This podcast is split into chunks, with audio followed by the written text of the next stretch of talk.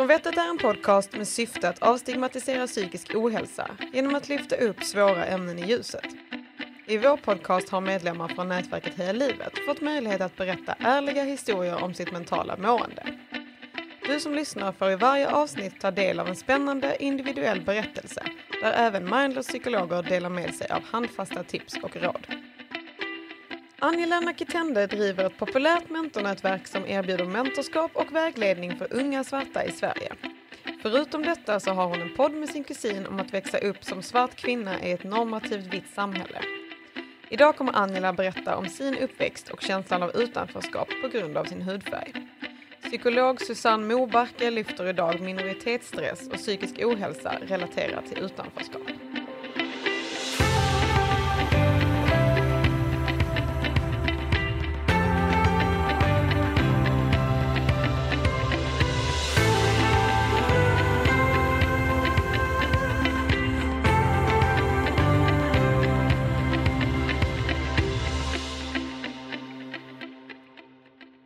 Jag fattar inte varför just jag?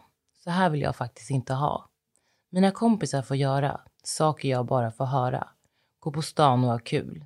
Jag känner mig så äcklig och ful. Svarting, n-ordet, är sånt jag hör. Åh, jag vet inte vad jag gör. Jag blir ledsen, arg och stum. Känner mig så jäkla dum. Ingen verkar tycka om svarta. Kan ingen fatta? Bara för att man ser ut på ett visst sätt behöver det inte alltid vara så lätt. Ibland blir man dö, men det är lång kö. Där alla är snälla, ingen jäkla fälla. Det är något ni inte förstår, hur jag faktiskt mår. Ibland undrar jag varför jag finns, men det är väl något ni inte minns. Varför födde ni mig om ni ändå hade tänkt att göra mitt liv till ett rent helvete? Det är mitt livs största gåta, men jag kommer aldrig er förlåta. Det har gått några år sedan jag hittade min dagbok nu och det har gått 18 år sedan jag skrev dikten ni precis fick höra. Men känslan när jag läser texten sitter fortfarande djupt rotad i mig. Jag blir förkrossad när jag tänker på hur denna 14-åriga tjej kände över livet. Men jag är också otroligt stolt över vart jag befinner mig nu. Utan dessa psykiska påfrestningar hade jag förmodligen inte varit där jag är idag. Mitt namn är Angela Nakitende. Jag är 32 år gammal. Jag driver podcasten Om att vara tillsammans med min kusin Elisabeth Changa. Det är en podd som handlar om att växa upp som svart kvinna i ett normativt vitt samhälle utan att den är politiskt vinklad. Utöver det är en av initiativtagarna till Co-Alliance som är ett mentornätverk av och för svarta. Och till vardags arbetar jag som influenceransvarig för H&M Norden. Ett jävla drömjobb som jag är så tacksam och stolt över att ha. När jag fick förfrågan om att vara med i denna podd tänkte jag att mitt avsnitt skulle handla om diskriminering och utanförskap kopplat till mig som minoritet och svart kvinna. Men när jag började skriva och gå ner på djupet så insåg jag att det var betydligt bredare än så. Idag lämnar jag ut mig. Det känns sjukt läskigt, men också oerhört viktigt om mina erfarenheter kan hjälpa någon som känner sig ensam och utanför. Ge hopp om att det faktiskt kan bli bra till slut om man fortsätter kämpa. Det kommer säkert att finnas personer i min närhet som inte kommer hålla med om allt. För visst finns det alltid två sidor. Men den här sidan är min. Mitt perspektiv och mina känslor. Det ska inte förminskas. Vi är alla värda att bli sedda och älskade för allt vad vi har och är. Hoppas ni orkar lyssna, för nu kör vi. Om vi börjar från början. Mina föräldrar kommer ursprungligen från Uganda, men kom till Sverige i slutet av 70-talet dock på varsina håll. Det var aldrig tillsammans och min pappa kom in i bilden långt senare. En sorg som jag fortfarande känner, men som jag ändå valt att acceptera. 9 mars 1989, 14.10, föddes jag, Angela Jawila, på Huddinge sjukhus i Stockholm. Som jag förstått det fick jag namnet Angela utav en socialsekreterare som min biologiska mamma var i kontakt med.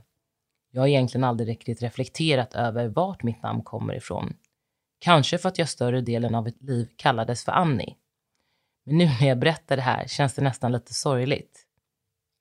Jawilla däremot är muslimskt och kommer från min anti Jawilla. Oklart om hon är min anti på riktigt, för i Afrika kallas i princip alla vänner till familjen för mostrar och fastrar. Jag är 51 centimeter lång och väger 3740 gram. En average kid som föds i Säte, vilket ledde till att jag i flera år fick gå hos en sjukgymnast och mina höfter och fötter gjorde att jag gick inåt och snubblade av och till. Minns att jag till och med snubblade ner i ett dike en gång. Jag är uppvuxen i en svensk familj på Värmdö. Dit kom jag när jag var åtta månader gammal. Innan dess hade jag varit runt på åtta, tio olika jourhem på grund av att jag inte kunde bo tillsammans med min biologiska mamma på grund av olika anledningar. Kan bli så ledsen och förbannad när jag tänker på hur ett litet barn tvingades byta miljö så många gånger under ens första månader i livet. Även om starten var komplicerad hade jag en fantastisk uppväxt på många sätt.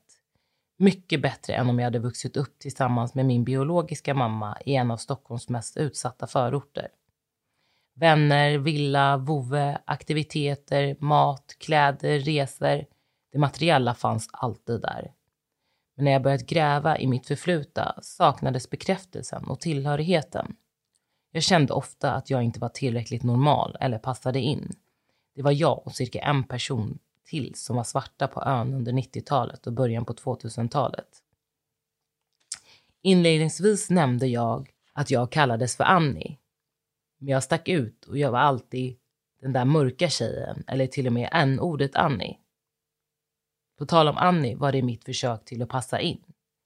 Om man är uppväxt på ett ställe där majoriteten är vita vill göra allt för att passa in. Därför valde jag och min familj att kalla mig för Annie. Det fanns en flicka på min gata som var ett år äldre än jag som hette Annie och det var inte superlångt ifrån Angela. I skolan ville jag också använda mig av min fosterfamiljs efternamn. Annie Ekstrand. På så sätt slapp jag vara stressad varje gång lärarna skulle läsa upp mitt namn eftersom det alltid uttalades fel eller inte alls. Jag minns att jag var nummer nio på klasslistan så jag brukade svara ja innan läraren ens hann läsa upp mitt namn för att slippa de efterföljande skratten. Det var jag och min identitet fram tills jag fyllde 21 år och flyttade till London. I mitt pass stod det ju faktiskt att jag hette Angela Nakitende och det var dags för mig att äga det. Tillbaka till uppväxten. 1995 börjar jag på Lämshaga barnakademi. Det är en nystartad skola och det hålls en ståtlig invigning av grundaren Helena Wallenberg. Skolans slogan är En skola med kycklingar och datorer. Den ligger på en skogsväg ut mot Ingarö och vi går i klasser efter solsystemet. Jag ska börja Neptunus, första klass. Tydligen var självaste Astrid Lindgren på invigningen, men det minns jag inte. Vad jag däremot minns är vad jag hade på mig. En rödvit randig sjömanskostym, spetsstrumpor och vita lackskor. Jag kände mig så fin. På skolgården fanns det djur, bland annat kossor, hästar, höns och kycklingar som vi fick hjälpa till att mata och ta hand om. I klassrummen sker stor del av undervisningen på datorer. Vi hade Apples Macintosh-datorer.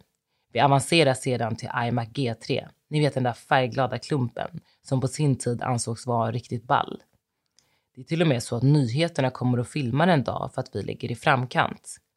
Lämsagas mål var att alla elever skulle använda IT och media som naturliga redskap i lärandet. Jag minns även att vi hade en tv-studio där vi gjorde Lämsaga-nyheterna tillsammans med de äldre barnen. Kanske var det här som mitt intresse för media och kommunikation växte fram. Åren på Lämshaga blev inte längre än Saturnus, tredje klass. I efterhand har jag hört att jag skulle ha slutat på grund av att jag varit mobbad. Jag hade kortklippt afro och var mörk i hyn. Utöver det var jag typ dubbelt så lång som alla i min klass. Visst förstod jag att jag såg annorlunda ut, men jag såg inte min tid på Länshaga som en tid jag varit mobbad. Jag hade vänner som jag lekte med, både under och efter skoltid. Jag minns att jag frågade chans på alla killar i klassen. Inte för att jag var kär i någon, utan mer för att jag ville passa in och vara som alla andra. Alla sa nej. Men sen ångrade sig en av killarna. Men jag tror han gjorde slut timmen efter. Men jag var tacksam för bekräftelsen jag fick. Den verkliga anledningen till att jag, eller vi, min lillebror och jag slutade på Lämsaga var för att han varit avstängd. Men det är en annan story. Vi hoppar fram några år, till årskurs fem. Vi har flyttat ifrån vår villa i Mörtnäs på Värmdö till ett kedjehusområde i Hemmestad som också ligger på Värmdö. Jag har blivit bästa vän med tre tjejer på min gata. Vi träffades första gången året innan när jag var nyinflyttad och de frågade mig om jag kunde jula och stå på händer. Sen den dagen har det stått vid min sida, både i med och motvind. Tack för det tjejer, utan er hade jag aldrig klarat mig. Det är även i årskurs fem som en kille i grannklassen oprovocerat kallar mig för n-ordet och säger att han ska döda mig. Att min hudfärg skulle påverka mig så pass mycket var jag lyckligt ovetandes om en kort period i livet. I min familj hade vi liksom aldrig pratat om mig och min hudfärg som ett problem. Men den problematiken kom med åren. Jag kontrar genom att ge honom en örfil. Det är mitt första och starkaste minne av att känna mig ful och otillräcklig. Det är även här någonstans som jag börjar hata mig själv för allt vad jag är. Jag är inte vit. Jag är inte smal. Jag har inte fint hår. Jag har ingen familj. Jag känner inte att jag är bra i skolan och så vidare. Jag känner mig otroligt ensam och oförstådd. Även om min fostermamma i den mån det gick kontaktade diverse föräldrar kändes det för mig lönlöst att prata om mina känslor. För det var ändå ingen som kunde relatera. Det i skolan sa till mig att det inte var så farligt eller en stor grej om någon kallade mig n-ordet, apa, svartskalle eller att jag skulle åka hem med bananbåten. Det var ju bara på skoj. Om jag sa ifrån så sa personer runt omkring mig, både vänner och det som utsatte mig, att jag överreagerade. Även när jag själv kände att orden sårade. Hur jag än gjorde så blev det fel. För att skydda mig själv så skojade jag med. Jag låtsades tycka att det var okej, men innerst inne så gick jag sönder. På högstadiet gjorde jag någon form av uppror. De existentiella frågorna började komma ikapp mig. Jag är arg, ledsen och besviken över att mina biologiska föräldrar inte har tagit hand om mig och jag är fortsatt förbannad över att vuxenvärlden inte förstår mig. Jag börjar röka och umgås med det som ansågs vara det coola i skolan. Granntjejerna, som är mina bästa vänner, hälsar jag knappt på, även fast jag gärna vill att vi ska hänga när jag kommer hem. Vid denna tidpunkt så görs det även en utredning på mig. Jag vet inte på vems initiativ eller varför. Eller varför var ju för att jag var arg. Men det framgår inte helt när jag läser mina akter från Stadsarkivet. I utredningen står det. Hon är något ledsam och deprimerad, mycket arg samt uppvisar en tendens till normbrytande beteende i större utsträckning än vad andra ungdomar gör. Hon är splittrad i sin personlighet, tycker dock att hon förstår och kan hantera sin omvärld någorlunda. Man frågar sig hur Annie klarat sig i skolan med tanke på att hon intellektuellt ligger så pass lågt. Att hennes självkänsla sviktar kan delvis ha att göra med hennes intellektuella svårigheter. Det kan också ha att göra med den splittring som hon har i sin personlighet, vilket också kan förklara varför man uppfattar Annies beteende så olika. Det är helt nödvändigt för Annie att gå i en skolform som är avpassad till hennes intellektuella nivå. Jag fick alltså detta utlåtande av en kvinna som träffat mig vid två tillfällen. Jag minns att jag motvilligt genomförde dessa test, så jag förstår att resultatet var som det var. Ett halvår senare gjordes en annan utredning som ett komplement till det första uttalandet jag fick. Där konstaterar man att jag är osäker och olycklig med en latent depressivitet. Det finns inga tecken på att jag skulle ha en dissoaktiv störning. Det var det. Ingen plan eller uppföljning kring mitt psykiska mående, bara ett konstaterande.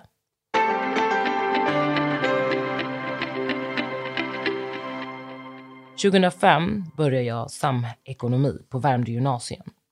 Relationen till min fostermamma eskalerar. Jag är så arg att jag inte vet vad jag ska ta mig till. Jag skriker och gapar och jag är bara allmänt jävlig. Till slut får hon nog. Hon säger upp mig. 16 år av trygghet försvinner över en natt och jag får flytta in på ett behandlingshem med ett gäng destruktiva tjejer. De säger att jag får flytta hem efter åtta månader om jag sköter mig. Åtta månader blir till två år. Det är bara några få av mina vänner som vet att jag bor där. Eller så är det fler som vet, bara det att de inte säger något. Jag vill inte kasta min fostermamma under bussen. Jag älskar henne och är oerhört tacksam för den uppväxt jag fick. Men jag är också otroligt besviken över att hon gav upp mig när jag var en bråkig tonåring. Jag hade så önskat att hon hade stått kvar vid min sida tills stormen blåste över. Istället fick jag sjunka själv medan hon tog sig i land. Det tog mig många år att förstå att mina utbrott och bråkighet var kopplat till PMDS, något jag fortfarande dras med även om jag har mer kontroll nu. Att sakna en grundtrygghet och familj gör så ont. Som en försvarsmekanism kopplar jag bort mina känslor för att slippa lida. När jag var yngre älskade jag högtider. Att känna gemenskapen och vara en del av ett sammanhang. Vi hade fina traditioner och det kändes alltid tryggt. Men i takt med att jag slussade ut från vad jag hade sett som min familj och mitt hem var heller inte välkommen på att fira högtiderna tillsammans på riktigt. Jag minns en julafton så väl. Det var första året med min kille och han bjöd in mig till att fira jul tillsammans med hans familj. Men det kändes alldeles för tidigt då vi bara hade varit tillsammans i fyra månader. Jag tackade nej och sa att jag skulle fira med min familj. Istället satt jag ensam i hans lägenhet och grät. Grät för att ingen saknade mig eller ville ha mig och för att jag skämdes för att ha ljugit för honom. Det tog mig säkert ett år innan jag faktiskt vågade berätta hur jag hade spenderat den julen. Sedan dess har julen varit extremt ångestladdad för min del. Även om jag vet att jag har hans familj så vill man vara med sin egna. Och jag vet att jag är välkommen till min biologiska familj, men det är inte samma sak. För det är inte där jag känner mig hemma. När jag var 18 år och började gå ut fick jag äntligen lite bekräftelse. Min tjejkompis var tillsammans med en vimmelfotograf och på så sätt lärde vi känna en del klubbisar runt Stureplan. Vi kunde enkelt fixa listor, slippa inträde och smita före i kön. Vi festade säkert fem av veckans sju dagar. Man trodde ju seriöst att man var odödlig när man var under 25. Under en period jobbade jag även i kassan på en nattklubb. Då passade många i min bekantskapskrets på att vara trevliga för att slippa inträde, trots att de hade betett sig illa i skolan. Även fast det tog emot så släppte jag in dem. Om det var för att jag inte orkade eller bara ville vara en bättre människa är oklart. Det skulle dock inte dröja lång tid innan jag kände mig fel igen. En vimmelfotograf som fotade för Stureplan.se sa till tjejerna att de borde sluta gå ut med mig om de ville synas mer. Det var bättre att vara en duo istället för en trio om det ville bli så kallade Stureplansprofiler. Och en gång när vi skulle gå upp till nattklubben V i Stockholm så släppte vakten enbart upp tjejerna trots att vi sagt att vi var ett sällskap om tre. Jag försökte få kontakt med honom, men han total ignorerade mig och fortsatte istället att hjälpa alla. Ni kanske tänker att det här kan hända vem som helst, och det kan det absolut. Men det är just känslan av att någon gör det med avsmak och avsky på grund av den du är. Det går inte att förklara. Man bara vet. Och den som vet, den vet. Under min tid på gymnasiet skedde två incidenter som gjorde att jag bestämde mig för att jag aldrig ville träffa eller dejta en kille som var från Värmdö eller som gick i min skola. Det ena tillfället var från en hemmafest. Jag hånglade med en kille som jag tyckte var snygg. Samtidigt hör jag hur en av hans vänner säger X hångla med en n-ordet. Detta måste jag skriva upp så jag kommer ihåg tills imorgon. Och så flinar han. Den andra gången är jag och min tjejkompis ute på Café Opera i Stockholm. Vi träffar på två killar från vår skola. Den ena är två år äldre och jag tror att den andra gick i min kompis klass. Han tillhör det coola killgänget som egentligen bara var allmänt osköna mot allt och alla, men ändå fick någon form av status. De vill i alla fall att vi ska följa med på efterfest. Till en början sa vi nej. Jag ville inte, för jag litade inte på dem då de ofta var dryga. Men samtidigt kände jag, om de frivilligt ville hänga, kanske det skulle sluta med gliringar och kommentarer i skolan sen. Hur naivt så här i efterhand. Det var inte så att jag berättade för folk att vi hade varit där, men det var heller ingen hemlighet. Vi hade faktiskt ganska trevligt, men det var inget mer med det. Jag hånglade med ena killen, han ville ligga, jag sa nej. Ibland undrar jag hur den måndagen hade sett ut om jag inte hade sagt nej. Jag vet inte vad han hade sagt, men när jag kom till skolan skrattade och hånade hans gäng mig. Som att jag var intresserad av honom och han hade dissat mig. Återigen kände jag mig förminskad, äcklig och utanför. Känslan av att män ville vara med mig bara för att jag har varit svart har varit återkommande. Jag har till och med fått höra att det är en milstolpe eller något exotiskt att vara med en svart kvinna. Det här gjorde mig otroligt osäker. Jag vågade aldrig riktigt släppa in någon och friendzonade därför de flesta killar direkt. På tal om killar hade jag skrivit i min dagbok att jag aldrig ville få barn med en svart man. Jag ville inte att mina framtida barn skulle uppleva det jag fått göra. Jag tänkte att livet som mixad skulle bli så mycket enklare och mer accepterat. Men det var ju de vita männen som exotifierade mig och behandlade mig utan respekt. Det var alltså det jag ville ha barn med någon gång i framtiden. Det är så sjukt att jag tvingades ha dessa tankar på grund av det samhället utsatte mig för. 2010 bestämmer jag mig för att flytta ifrån Sverige. Jag är nyss fyllda 21 och mitt vikariat på förskolan går ut till sommaren och mina betyg är inte tillräckligt bra för att komma in på någon akademisk utbildning. Dessutom känner jag inte för att plugga något just då. London hade alltid lockat. Så jag köper mig en one way ticket och drar. Att det året skulle ge mig styrkan, modet och tron på mig själv hade jag aldrig trott. Hur klyschigt det än låter så var det i London som jag hittade mig själv och vänner för livet. London är en multikulturell stad och det spelar ingen som helst roll vart du kommer ifrån eller vem du är. Du är fri att göra din grej, vilket var så befriande. Att slippa få frågor om vart man egentligen kommer ifrån, hitta smink i rätt nyans och gå till frisörer som har koll på ens hår. Allt fanns där. Jag sög in det och vågade till slut landa i att jag dög precis som jag var. En kväll när jag är på väg hem från mitt arbete i London ringer min fostermamma och berättar att min lillebror har gått bort. Han hade precis fyllt 21. Jag skrek rätt ut i mörkret innan jag sjönk ner på knäna. Chockad, ensam och förtvivlad. Allt var svart. Varför Lotsan? Du var ju den enda jag hade. En kort tid innan hade TV4 visat en dokumentär som min lillebror medverkat i, vilket gjorde att hans bortgång vart offentlig. Det var krismöte på fyran, löpet var fullt med rubriker och journalister ringde till höger och vänster. Jag var så tacksam att jag inte befann mig i Sverige just då, för det var kaos och sorg. Jag reste hem och kort därefter bestämde jag mig för att göra upp en plan med mitt liv och vad jag ville. Efter ett drygt år i London flyttade jag hem till Sverige. Året därefter träffade jag min kille. Jag tog körkort. Jag hittade en skola där man kunde söka in på arbetslivserfarenhet och arbetsprov. Första gången jag sökte kom jag inte in, men jag gav mig fan inte och andra gången jag sökte så kom jag in. Äntligen började pusselbitarna falla på plats och jag kunde se ett svagt ljus som blev starkare med åren. Som en vän sa till mig så behövde jag ta mig ur min bubbla på Värmdö och Stureplan för att förstå mitt riktiga värde och potential. Det med erfarenheterna från London gjorde att jag vågade lita på att mina val och beslut var rätt för mig, även fast det inte gjordes by the book. Jag vet inte om ni reflekterar över er hudfärg i olika sammanhang, men jag blir konstant påmind om att jag inte är en del av normen. Idag är jag tillräckligt stark och trygg i mig själv att det inte bekommer mig på samma sätt. Men samtidigt är jag den som undermedvetet, och ofta även väl medvetet, gör det där lilla extra för att bana väg för de svarta kvinnor och män som kommer efter mig.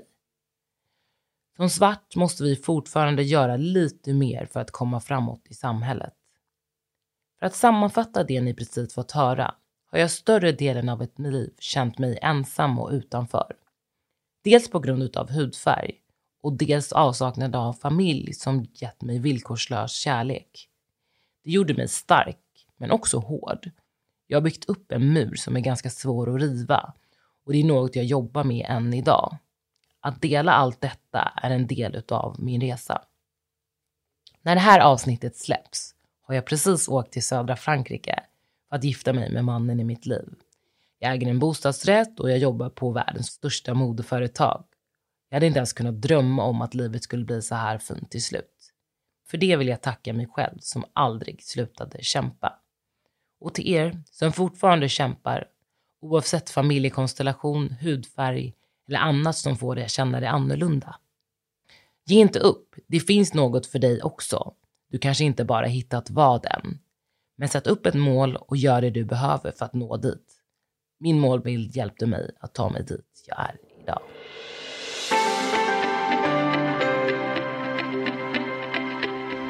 Jag heter Susanne Moberke Hall och är legitimerad psykolog. Det finns inget enkelt svar på varför diskriminering uppstår. Om vi tittar på det ur ett rent psykologiskt perspektiv kan man säga att den mänskliga hjärnan skapar kategorier av saker och ting som ett sätt att förstå sig på sin omvärld. Hjärnan gör skillnad på till exempel objekt, djur och människor. Den gör också skillnad på sånt som hör till en och samma kategori. Från det att vi är små lär vi oss till exempel relativt snabbt att se skillnad mellan flickor och pojkar. Ofta utvecklar vi sedan åsikter och värderingar om de olika kategorierna. Och värderingar är något som lärs in, till exempel genom våra föräldrar, vänner och våra observationer av hur världen fungerar.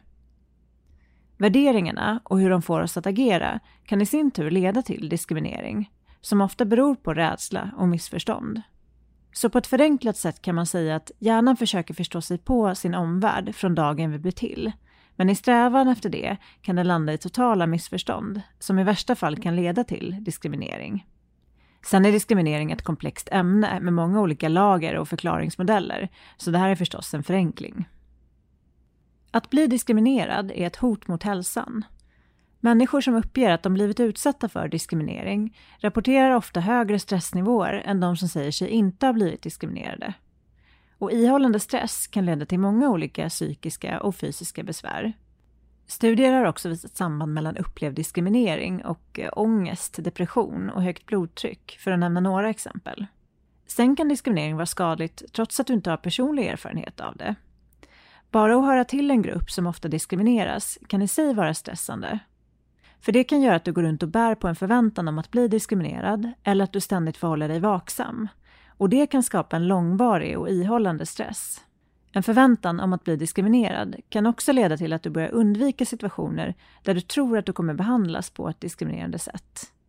På sikt kan det göra att du går miste om till exempel utbildnings och jobbmöjligheter, förutom att det förstås också finns strukturella förklaringar till varför sådana möjligheter uteblir för vissa, alltså strukturell diskriminering. Och att möjligheter uteblir kan leda till nedstämdhet, ångest, bitterhet eller ilska, för att ta några exempel. Att ständigt hålla uppsikt över om du är eller kommer bli föremål för diskriminering kan leda till att du, åtminstone då och då, börjar tänka att det kanske är jag som är nojig, eller jag överdriver säkert, och till och med blir arg på dig själv för det. Ett annat tankemässigt problem som diskriminering kan ställa till med är att du börjar internalisera andras tankar eller värderingar. Alltså tar till dig och tror på andras negativa föreställningar om gruppen du själv tillhör. För vissa kan diskriminering, eller att höra till en grupp som ofta blir diskriminerad, skapa en existentiell ensamhet. Det vill säga att du tänker att dina innersta tankar och känslor inte går att dela med andra. Att ingen annan lyssnar eller fullt ut kan förstå. Trots att du kanske har folk runt omkring dig och inte är ensam på det viset. Dessutom är det inte ovanligt att uppleva att det finns en förväntan om att du ska behöva ta ett personligt ansvar för att lära andra om diskriminering och vad det kan leda till. Och det kan kännas som en orättvisa på orättvisan. Och förstås också göra att du känner dig ännu mindre förstådd. Existentiell ensamhet kan få dig att känna dig otrygg, nedstämd och övergiven. Det kan också göra att du börjar ta avstånd från andra för att skydda dig själv från att bli besviken. Och då kan den existentiella ensamheten övergå till en social ensamhet, det vill säga att du inte längre har folk runt omkring dig i samma utsträckning som tidigare. Ensamheten tar sig helt enkelt nya uttryck och leder ofta till ett sämre mående. Sen kan diskriminering förstås också leda till att du blir socialt avvisad av andra. Att du till exempel får snäppet sämre service i en butik för att du har en funktionsvariation, inte blir kallad till en arbetsintervju på grund av din etniska tillhörighet eller kön, eller inte blir beviljad ett banklån för att du anses för gammal. Och att reagera negativt på social avvisning och ensamhet är något som är högst mänskligt. Och det finns en evolutionär förklaring till det. Människan är ett flockdjur och våra förfäder behövde sin flock för att hantera hot i vardagen och för att helt enkelt kunna överleva. Att bli avvisad eller övergiven innebar ofta en säker död för våra förfäder. Så social avvisning och ensamhet uppfattas som hotfullt och stressande än idag, trots att det för oss, dagens människor, inte automatiskt betyder att vi går mot en säker död. Men det triggar igång en stress som påverkar vår hälsa och vårt välbefinnande på ett negativt sätt. Med det sagt ska vi vända blicken mot vad du kan göra åt de psykologiska effekterna av diskriminering.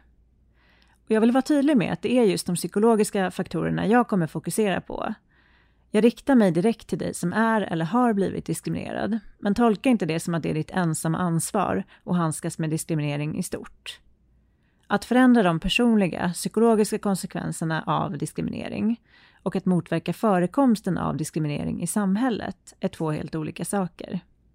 När det kommer till att motverka diskriminering har vi alla ett ansvar. Mitt första råd om du har blivit eller blir diskriminerad är att vara självempatisk och försöka acceptera känslorna som uppstår. När du varit med om diskriminering kan det vara jättesvårt att skaka av dig det och istället väldigt lätt att börja grubbla och älta det du varit med om. Det är inte helt ovanligt att gång på gång gå igenom vad du borde ha gjort eller sagt där och då. Ibland kan det slå över till att du blir arg för att du inte stod upp för dig själv, eller tvärtom, känner skam över hur kraftigt du reagerade. Försök istället att visa dig själv lite mer empati och medkänsla. Det är normalt att frysa till och inte veta vad man ska göra när man blir överrumplad av någon annans diskriminerande handlingar. Det är också vanligt att reagera väldigt kraftfullt och bli jättearg istället för att sakligt och lugnt konfrontera den som diskriminerar. Just ältande och grubblande gör ofta att vi människor blir mer nedstämda, oroliga, stressade och ångestfyllda eller håller fast vid ilska.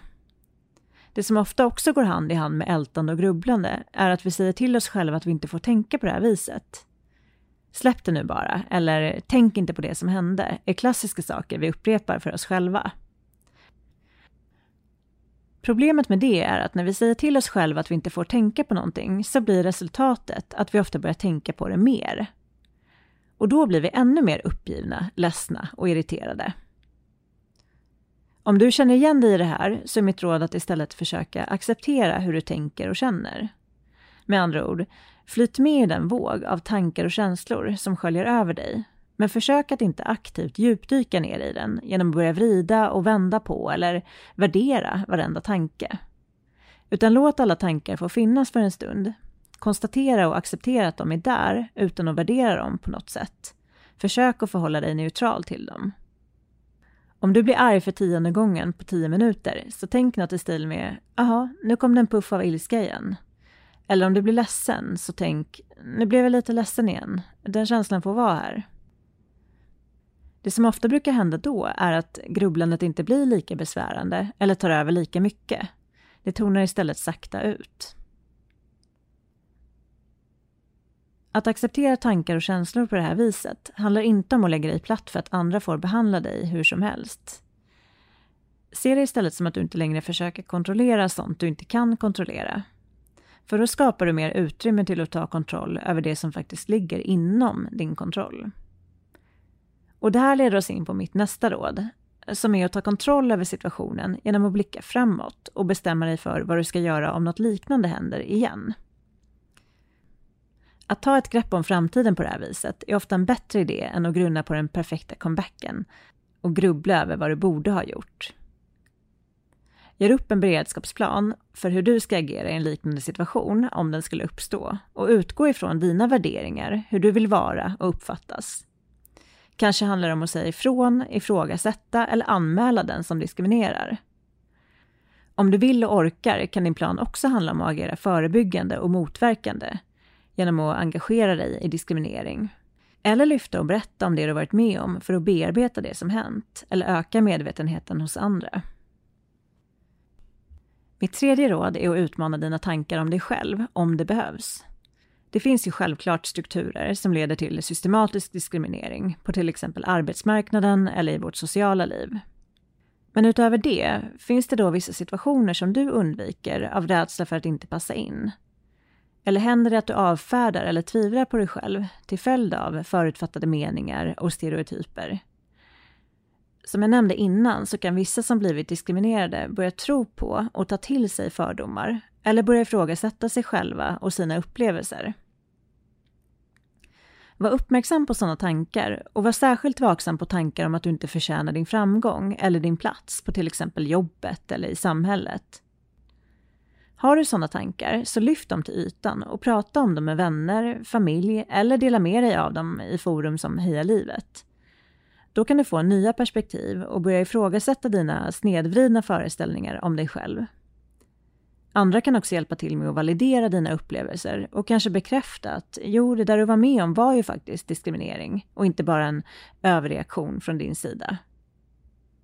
Mitt sista råd är att vända dig till en professionell samtalskontakt, till exempel en legitimerad psykolog eller psykoterapeut, som kan hjälpa dig att hantera stressen som kommer av diskriminering. Dämpa felriktad ilska och skam, det vill säga ilska och skam som vänds mot dig själv. Eller lära dig hur du kan stå upp för dig själv och se på dig själv på ett nytt sätt.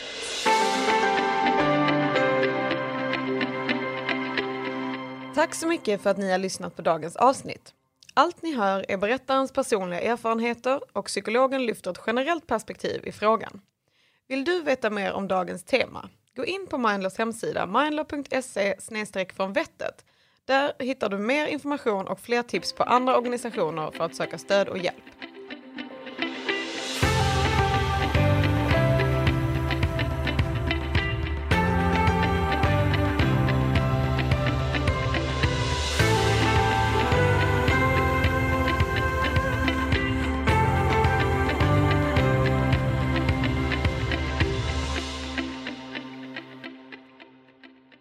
Från är ett samarbete mellan Heja Livet och Mindler, psykolog online.